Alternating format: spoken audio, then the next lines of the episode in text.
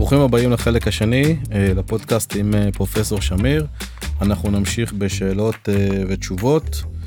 פרופסור שמיר, שהוא עד ה-PPM? שאלה נפלאה. PPM זה ריכוז, למי שזוכר שלמד בבית ספר עממי או תיכון, ריכוזים לעומת כמויות.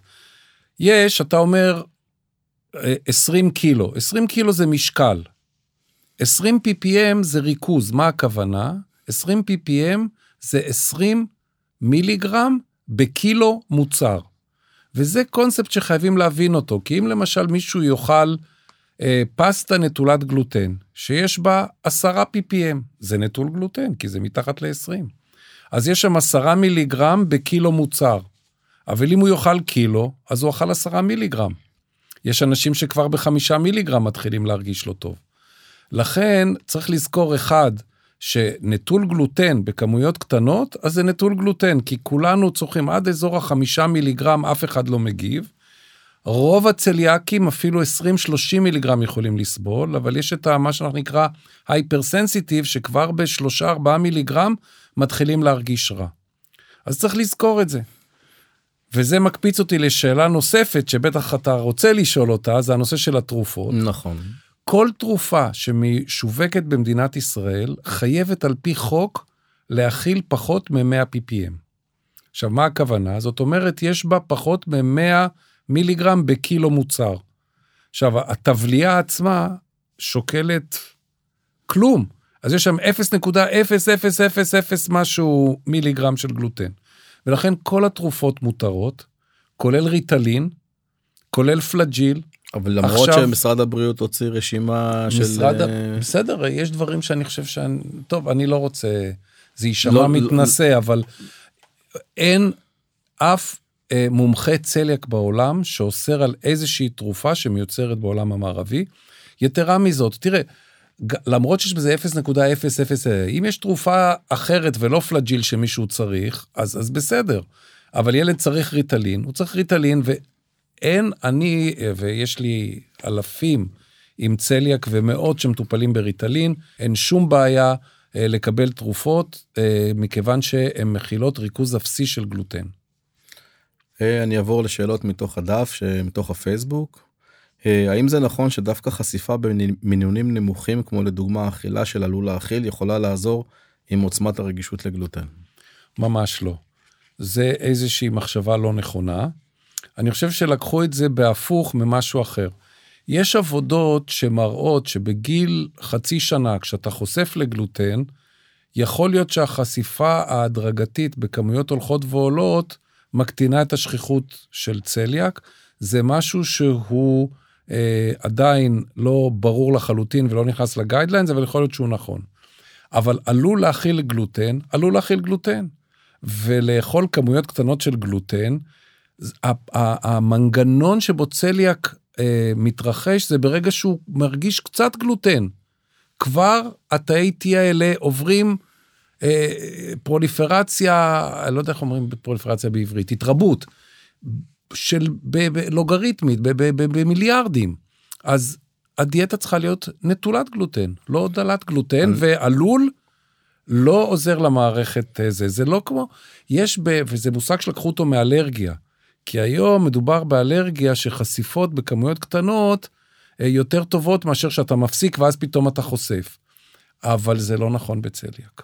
אני רק אה, מדגיש שהעמדה של ארגון הצליאק אה, לא לאכול מוצרים שכתוב עליהם עלול להכיל אנחנו אומרים את זה הלוך וחזור כי עלול להכיל זה באמת עלול להכיל גלוטן מעל 20 ppm אז בבקשה מי ששומע אותנו לא יש היום מספיק מוצרים ההיצע הוא מספיק גדול והמגוון הוא עצום שיש את אותו מוצר שאתם אוכלים בעלול להכיל הוא ללא גלוטן או שלא כתוב עליו לעלול להכיל.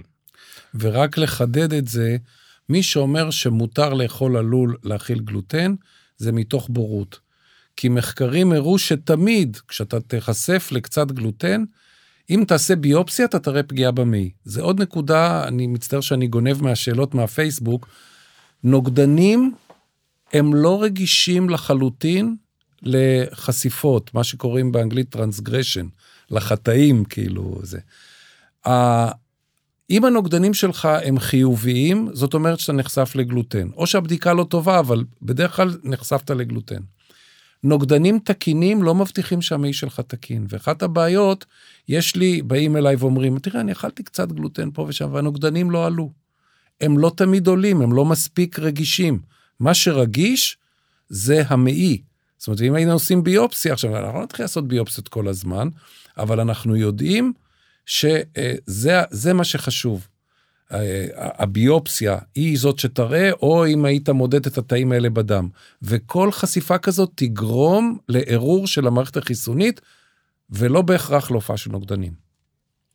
שאלה נוספת, אה, אם בעקבות הימנעות מגלוטן או מחיטה באופן ספציפי, הגוף סובל, סובל מחוסר מסוים שיש להשלים באמצעות ויטמינים תוספים אחרים. אני אקח את זה למקום אחר. אני חושב שמי שיש לו צליאק, בנוסף לליווי הרפואי, מדי פעם, כדאי להגיע לדיאטנית, אה, עם גם רישום של התזונה. כי צריך לזכור שברגע שאתה על דיאטה נטולת גלוטן, האיזון בין פחמימות, סיבים בעיקר, הדיאטה היא יותר דלת סיבים כשאתה שומר על דיאטה נטולת גלוטן, ונוצרים חסרים מסוימים. לא לכל אחד זה אותם חסרים, יש המון עבודות, כולל עבודות שלנו, זה שונה בין אה, אחד למשנהו. ולכן אה, אני נגד לתת סתם ויטמינים, מכיוון שזה אה, כלל ראשון בתזונה. מעט מדי זה לא טוב ויותר מדי זה לא טוב. ולכן צריך לדעת מה חסר ולתאסף בהתאם. האם גילוי מוקדם של צליאק יכול למנוע מחלות אוטואימוניות נוספות? למנוע לא, אבל להקטין את השכיחות שלהם כן. מה הסיכוי לחלות במחלה אוטומונית בנוספת ב... בנוסף לצליאק, במידה ומגלים צליאק? או, זו שאלה, שאלת מיליון הדולר. קודם כל, אה, מחלות אוטואימוניות זה המגפה של המאה ה-21. יש עבודה שהתפרסמה השנה אה, בלנסט, אה, עיתון מכובד אירופאי, שסקרה מחלות אוטואימוניות באנגליה, משנת 2000 עד 2019. כל אה, אדם עשירי בבריטניה היום, יש לו מחלה אוטואימונית. אז השכיחות היא פנטסטית. מה בדיוק הסיכון שלך, אה, אם יש לך צליאק?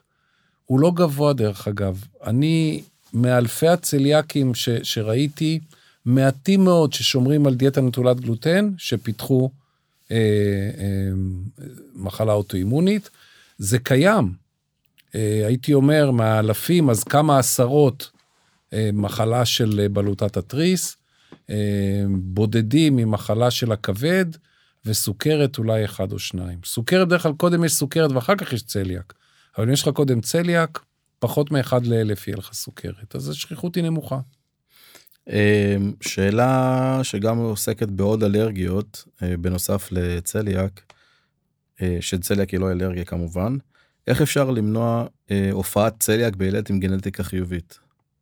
או בכלל, אם אפשר דבר כזה, אם, יש, אם למישהו יש גנטיקה חיובית, אז יש דרך להימנע מצליאק? איזשהו משהו להימנע ממנו? אם היו שואלים איתי את השאלה הזאת לפני 15 שנה, הייתי אומר שכן. היום אני חושב שלא. כמו שאמרתי, והולכים עכשיו, אנחנו הולכים להוציא guidelines לגבי אה, אסטרטגיות למניעה של צליאק, הדבר היחידי שאולי, אולי עוזר, זה שהחשיפה היא הדרגתית. אה, מעבר לזה, לא הגיל של החשיפה, אה, לא הנקה. אה, יש דברים ש... הראו במחקרים על, כל, על אוכלוסיות מאוד גדולות, נגיד אה, אפילו ניתוח קיסרי זה בסימן שאלה, פעם חשבו שכן, היום יש על זה סימן שאלה. אה, שימוש באנטיביוטיקה, שימוש במעכבי חומצה, היום לכל התינוקות אוהבים לתת להם אה, מה שנקרא לוסק, ואולי גם הוא טיפה מעלה את השכיחות של צליאק, אבל אין, כעיקרון אין משהו שיכול למנוע את זה. וגם יש גנטיקות שמה שלא תעשה לא יעזור, ברגע שתיחשף יהיה לך. במשך עשרות שנים שאתה עוסק בצליאק, זו שאלה שלי, בניגוד לאחרים, פעם אה, יצא לך לבדוק מישהו שהוא נרפא מצליאק? שאלה נפלאה, והתשובה אליה היא כפולה. אחת, לי לא יצא, לא. יצא לי הרבה לפגוש אנשים שאומרים שהם נרפאו מצליאק, אבל הם טועים. אולי הם לא. או שלא היה להם מההתחלה צליאק ו... ואין להם צליאק, ההבחנה הייתה שגויה, או שהם עדיין בתקופה שהצליאק עוד יחזור, הנזק נעשה, המעי נפגע, לא בהכרח נוגדנים וזה יחזור. אבל אני ארחיב את זה ואני אספר שיש מעבדה בנורבגיה, שהיא בודקת את התאי T האלה שהם קומיטד uh, ל... שהם, זאת אומרת, הם, הם מזהים את הגלוטן, והם יעברו uh, התרבות רק בחשיפה לגלוטן. ובאותה מעבדה, שמקבלת דגימות מכל העולם, uh, למחקר דרך אגב, הם לא עושים uh, את הבדיקה הקלינית כבדיקה יקרה מדי, הוא עוד לא, קוראים לו לודוויג סוליד, מי שרוצה להיות אה, זה ולחפש באינטרנט עבודות של לודוויג סוליד, הם עוד לא תיארו אדם אחד, הם עוד לא מצאו דוגמת דם אחת של צליאקי שאיבד את התאים האלה. הם נשארים לכל החיים. שאלה לבעיות גדילה. אה, אספר סיפור קטן. אה, פגשתי לפני כמה שנים חברה טובה מהתיכון ושאלתי אותה, תגידי לי, למה... הבת שלך כל כך נמוכה, את גבוהה, הבן זוג שלך גבוה. ואז היא אמרה לי, כן, אנחנו לוקחים הורמון גדילה והכל, אמרתי, תקשיבי, לכי תבדקי צליאק, כי זה אחד אומרת לי, דן אתה עם השטויות שלך. אמרתי, תקשיבי, עורך דין אני לא, אבל בצליאק אני מבין קצת, לכי תבדקי. שור אינף אחרי שבועיים חזרה אליי ואמרה, שמע, יש לה צליאק ואנחנו הפסקנו גלוטן. והשאלה שלי, והיא בריאה והכל והתחילה לצמוח. השאלה שלי, באיזה גיל אה, הנזק הוא יותר קטן כשמגלים צליאק ואם בגיל 15-16 כאשר הגובה הצמיחה אה, מפסיקה או בעיצומה שאנחנו מגלים צליאק אם יש סיכוי שהוא יעבור לקומה אה, נורמלית ביחס למשפחה שלו. טוב תרשה לי להתחיל מסיפור קטן ואז אני אענה לך על זה. כשאני חזרתי מההתמחות שלי בארצות הברית, בסדר, עבד, אז עוד לא היה מחשב, היינו כותבים בדף נייר וזה. אוקיי, אני עכשיו לפני חמש שנים מגיע לי מישהו ומראה לי את המכתב שלי משנות התשעים. אומר לי, תראה את מה אתה כתבת לי. כתבת לי שיש נוגדנים לצליאק, צריך לעשות ביופסיה, ואני זרקתי את זה לפח. האיש, מטר חמישים ושמונה. הוא לא טיפל בצ... הוא התעלם מזה שיש לו צליאק. בא אליי עם הילד שלו עכשיו, שיש לו נוגדנים, אומר, אני לא רוצה שלילד שלי יהיה מה שלי היה. זה סתם סיפור כזה, ממש מהשבועות האחרונים. אמ, לשאלה שלך, אם אתה מאבחן צליאק בגיל הילדות, עד הכניסה להתבגרות, ברגע שהבחנת, הקטשאפ, האצת הגדילה וחזרה לפוטנציאל, היא תהיה במאת האחוזים. זאת אומרת, זה הפיך לחלוטין, הפגיעה בגדילה בילדים. כשאתה מגיע לגיל ההתבגרות, אתה כבר, יכול להיות שלא תספיק לעשות את כל ההאצה חזרה, כי, כי אתה תסגור את הפלטת הגדילה שלך. וברגע שסיימת את ההתבגרות וסגרת את פלטת הגדילה, אז כבר מה שהגעת, הגעת. בשנים האחרונות ש... שאני עוסק בנושא של הצליאק, לא מעט אנשים, אה, נתקלתי בלא מעט אנשים בנושא של פוריות. אה, חברה טובה אמרה לי שגילתה את הצליאק בעקבות שלא נכנסה להיריון לא נכנסה להיריון הלכה לבדיקות.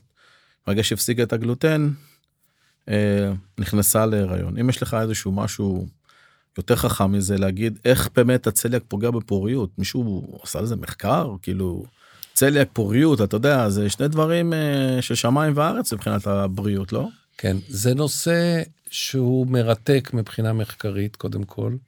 התשובה הראשונית היא שאנחנו לא יודעים, אבל אנחנו יודעים שהגלוטן והתגובה הדלקתית שהוא מעורר, היא קשורה בהמון דברים במסלולים ההורמונליים. אה, למשל, אה, אפילו אם האבא יש לו צליאק, התינוק ייוולד יותר קטן. דרך אגב, משקל לידה יותר נמוך. אה, באמת? כן, לא כן, כן, כן. כבר היה שווה הפודקאסט וגם. וגם האימא, בוודאי אה, זה. עכשיו, קומה נמוכה דיברנו. יש גם פגיעה באשכים, בייצור של הזה, ויש, ואי פוריות. המנגנון הוא לא ידוע, אבל מה שחשוב הוא שנשים שלא מצליחות להיכנס להיריון צריכות להיבדק לצליאק, כי זה יכולה להיות סיבה, וחלקן, לא בכולן, אבל בחלקן הדיאטה נטולת גלוטן פותרת את הבעיה. Uh, מספר שאלות uh, קודם כל לפני כמה ימים uh, באמת הייתה כתבה של שיש עלייה במאובחנים. אני תוהה לעצמי אם זה באמת עם המודעות של הרופאים ואיך אפשר לה, להגביר את המודעות של הרופאים ומה הסיבה העיקרית לעלייה ב, ב, ב, בצליאקים. אז כמו שאמרנו בחלק הראשון יש זה כמו אפידמיה, יש ממש עלייה, וכמו שיש עלייה במחלות אוטואימוניות בכלל בעולם, אני חוזר לעבודה שסיפרתי מהלנסט, אז לא רק שאחד מכל עשרה בעולם יש לו מחלה אוטואימונית, צליאק זאת המחלה האוטואימונית עם העלייה הכי גבוהה בשכיחות בכל העולם. מדוע? אנחנו לא יודעים.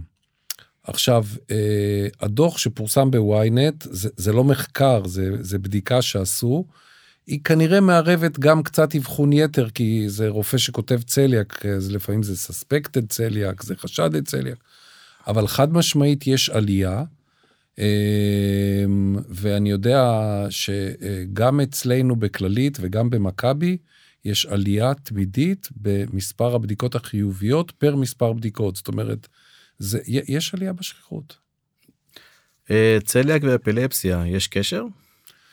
יש קשר, אנחנו לא יודעים האם זה בגלל ששני המצבים שכיחים, אבל כל מי שיש לו אפילפסיה צריך להיבדק לצליאק. אחת הבעיות שיש אפילפסיה, או בכלל מחלות נוירולוגיות שקשורות בצליאק, עם נוגדן, הנוגדן שאנחנו בודקים הוא TTG, הוא נקרא, tissue transglutaminase. ובצליאק זה TTG2. יש למשל מחלת עור שהולכת עם צליאק, אה, dermatitis, dermatitis herpetiformis, שם זה TTG3. במחלות נוירולוגיות זה TTG6, ובארץ, או בכלל, יש מעט מאוד מקומות בעולם, לא בודקים את ה-TTG6. אבל מי שיש לו אפילפסיה, צריך להיבדק לצליאק. ואם הוא מפסיק גלוטן, מפסיק לו הצלי... האפילפסיה? לא. לא, אבל יש לו צליאק. זה גם נכון. אה, מה גורם לבלבול עם הליקובקטור וצליאק אה, בפגיעה במעי? אמ, הליקובקטר יכול לגרום לעלייה בלימפוציטים בתאי המעי, מה שקודם, אני חושב שזה היה בתחילת הפודקאסט, מה שקראנו מרש אחד. והוא יכול לבלבל, כי יכול להיות שזה בגלל ההליקובקטר ולא בגלל הצליאק. הצליאק. אמ, וזה הבלבול שנובע. אמ, הוא עושה גם דלקת כרונית בקיבה, וגם צליאק עושה דלקת כרונית בקיבה. אם יש בעיה אבחנתית, אז צריך קודם לסלק את הליקובקטר כדי שנדע בביופסיה הבאה מה קורה. אם לא צריך את זה, אז זה כבר נושא אחר על פודקאסט על הליקובקטר, האם צריך לסלק אותו או לא, לא תמיד. אוקיי, שאלה הבאה, כשהנוגדנים, אני מקווה שהבנתי את השאלה, כשהנוגדנים חיוביים אך נמוכים מ-20, יכולה להיות עוד סיבה ולא צליאק? אה, מדוע מנגנונית לא ברור לי למה יש טווח מותר לנוגדנים אלה הרי אם הרי אם אין מחלה אוטומונית לא, צריך, לא צריכים להיות נוגדנים בכלל. אני לא הבנתי את השאלה אתה הבנת את השאלה? אני הבנתי את השאלה. אוקיי, בגלל זה אתה פרופסור שמיר. לא, לא, לא, אני מתאר, אתה יודע מה, אני חושב שהבנתי את השאלה. אוקיי. אם אני מכוון לדעתו של השואל, אה, אתה אומר, אוקיי, צריך להיות אפס. למה שבכלל יהיה חמש, שש, שבע?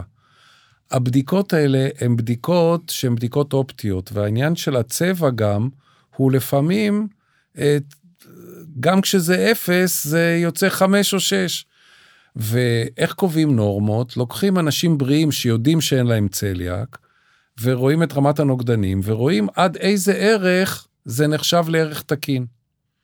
ואז לכן אה, יש אה, בדיקות אה, שהן עד 15, הבדיקה בכללית היום היא עד 15, לא עד 20, 20 זה בדיקות שנעשות במעבדות של בתי חולים מסוימים, אבל יש גם 20, אז יש 15, יש 20, במכבי זה 7, זה הערך שהוא תקין. אני אסבך את זה יותר גם בצליאקים שנכ... על דיאטה נטולת גלוטן, שכבר זה חזר להיות תקין, נגיד היה מעל 100, או היה 60, 70, וזה עכשיו 7 או 6 או 5, אה, אם עושים ביופסיות במבוגרים, לא בילדים, לכל החולים האלה, במבוגרים הם עושים הרי, הם אוהבים לעשות הרבה ביופסיות, אז ימצאו פגיעה במעי באנשים שיש להם חמש או ארבע יותר מאשר כאלה שיש להם אפס. כי הרי גם אמרנו שהנוגדנים הם לא בדיקה רגישה כל כך לפגיעה במעי. אבל אתה רוצה שהנוגדנים יהיו תקינים, וכעיקרון כשהם יורדים במכבי מתחת ל-7, או בכללית מתחת ל-15, או ב... אם השואל במעבדה אצלו עושים 20 אז תחת ל-20, אז זה מה שאתה רוצה. וזה לא עניין של מנגנון, זה עניין של בדיקה גם. צריך לזכור, אנחנו מדברים על TTG שהוא בדם, הבדיקה היא בדם, בעוד שהנזק לרקמה הוא נזק במעי, וזה בעצם רק איזושהי השתקפות חלקית של מה שקורה במעי. שלשמחתנו היא השתקפות טובה, כי יש uh, התאמה טובה בין שני הדברים. שאלה נוספת, האם ידוע על בעיות נאורולוגיות כתוצאה מצליאק? או, בוודאי, הרבה. הרבה בעיות נוירולוגיות, יש uh, צר, uh, גלוטן אטקסיה, שזו מחלה שהיא ידועה, יש הסתיידויות בבסיס הצרבלום, שזה uh, משהו שמופיע רק בצליאק, יש פגיעה בחומר הלבן שרואים ב-MRI, יש הרבה פגיעות נוירולוגיות. וברגע והיום... ששומרים על... ברגע ששומעים על דיאטה נטולת גלוטן זה נעלם? המוח הוא tricky, לא כל דבר נעלם, gluten ataxia מגיב. מגיב לדיאטה נטולת גלוטן. כלומר, הוא, מה זה, מה זה המשפט הזה שאמרת? גלוט... gluten ataxia, טוב, כן. אנחנו בפודקאסט, אם היינו בטלוויזיה הייתי מראה לך, זו הליכה מאוד אופיינית, שאם על בסיס רחב, שרופא שמבין בנוירולוגיה יגיד מיד, יש פה בעיה במוח הקטן, מה שנקרא צרבלום. ויש גלוטן אטקסיה, האנשים האלה, כשהם נפטרים, אם יעשו להם צביעות ל-TTG במוח, יראו שהוא צובע שם את כלי הדם. זה. משהו ייחודי בצליאק. אמ, למה יש קשר לצליאק וסוכרת, והאם, אה, איך ניתן להקפיד שהיא לא תתפתח? הקשר נובע מהבסיס הגנטי הכמעט זהה. הגנטיקה של צליאק והגנטיקה של סוכרת הן כמעט זהות. ומכאן הקשר, שבו אתה מפתח גם, אתה יכול לפתח גם סוכרת וגם צליאק. אצלנו בשניידר, הפעם האחרונה שעשינו סקר של כל חולי הסוכרת, חמישה וחצי אחוז מהסוכרתיים היה להם גם צליאק. חמישה וחצי מהסוכרתיים. אחוז, כן, על כל... אה, סוכרת מ... רגילה או סוכרת נעורים? סוכרת נעורים, אני מדבר על סוכרת נעורים, סוכרת נעורים, סוכרת נעורים. אה, סוכרת טייפ 2 לא כל כך קשורה בצליאק, לא, לא, לא, לא כל כך, לא קשורה. אה, סוכרת נעורים, חמישה וחצי אחוז. דרך אגב, עוד דבר מעניין, רק... חמישה וחצי אחוז מסוכרת נעורים יש להם צליאק. כן, מ-200 זה ל-11 היה צליאק. עכשיו, מה שעוד חשוב ללמוד זה שרובם היו ללא תסמינים. זאת אומרת, אם לא היית לוקח נוגדנים לצלק, לא היית יודע שיש להם. צריך לזכור עוד דבר שבסוכרת, באבחון עצמו יש מה שנקרא סערת נוגדנים, ולפעמים הנוגדנים האלה נעלמים מעצמם. לא צריך ישר לרוץ ולטפל בדיאטה נטולת גלוטן בסוכרתי, אפשר לחכות קצת. בכלל, אנחנו הרי מדברים על הבחנה לכל החיים. וכמעט כל הדברים, בטח בגיל הילדות, הפיכים. אז קיבלת נוגדנים חיוביים, א', זה לא אמרג'נסי, תמשיכו לאכול גלוטן. אחת הבעיות, מפסיקים לאכול גלוטן, ואז הנוגדנים יורדים, ואיך אתה יודע אם הם ירדו מעצמם או בגלל הדיאטה? לאט לאט, צריך להגיע להבחנה, לא יקרה גם לפעמים אה, שום דבר אם נחכה חצי שנה או שנה בגיל הילדות, לא בגיל ההתבגרות. ואז, כשנעשה את ההבחנה הזאת, תהיה הבחנה ודאית, ו... אה, לכל החיים. פרופסור שמיר, אה, לקראת סיום, אה, כמה מילים למאזינים שלנו שאתה רוצה להעביר את המסר, להעביר מסר למאזינים שלנו. אה, מותר לי יותר ממסר אחד? ארבע. יפה. וחצי. אחד, זה אל תתחילו דיאטה נטולת גלוטן לפני שאתם משוכנעים שלילד יש צליאק ושהוא ישמור על דיאטה נטולת גלוטן כל חייו. כי אם אתם לא אה, משוכנעים, אז כדאי לדבר עם מישהו שהוא מומחה בצליאק על הנושא הזה לפני שמתחילים את הדיאטה. אל תתחילו גם את הדיאטה לפני שעשיתם הבחנה ודאית, כמו כל אלה שיש להם כאבי בטן, ומישהו אומר להם בוא תוריד את הגלוטן, כי אחר כך קשה מאוד לעשות את ההבחנה, לפחות ב-2023. זה מסר אחד. דבר שני, זה אה, תהיו במעקב. זה לא נכון להגיד, אוקיי, אני שומר, אני יודע, ולא להיות במעקב. אה, גם בגלל הידע וגם בגלל, מהרבה סיבות, אה, וגם המעקב עצמו. ותזכרו, הדבר הכי חשוב, צליאק זה לא מחלה, זה אורח חיים, שכשאתה שומר עליו אתה חוזר לבריאות מלאה, וצריך להיות אופטימיים. אה, ולא לא נשאלתי בכלל על כל הנושא של המטבחים הנפרדים והכלים הנפרדים והזה, שזה סיפור בפני עצמו, גם שם לא צריך להשתגע. צריך לשמור, צריך לזכור שאין גלוטן שלא עובר עם מים וסבון. זאת אומרת, אם יש ילד שאכל מצלחת ואחרי זה שטפו אותה טוב טוב עם מים וסבון, אין שם גלוטן. לא נתחיל עכשיו את כל הדברים, אה, לא יודע מתי הפודקאסט יוצא, ממש בקרוב אה, אספגן מוציא אה, אה, מדריך ל... שהוא בעצם מיועד גם לאוכלוסייה, ואנחנו נדאג יחד איתכם לתרגם אותו. כלים מעשיים איך לשמור דיאטה נטולת גלוטן. לא להשתגע, לזכור שהבריאות זה הדבר הכי חשוב, ואושר באלף זה גם חלק מבריאות. פרופסור שמיר, תודה רבה על הפודקאסט. תודה לך שהזמנת אותי.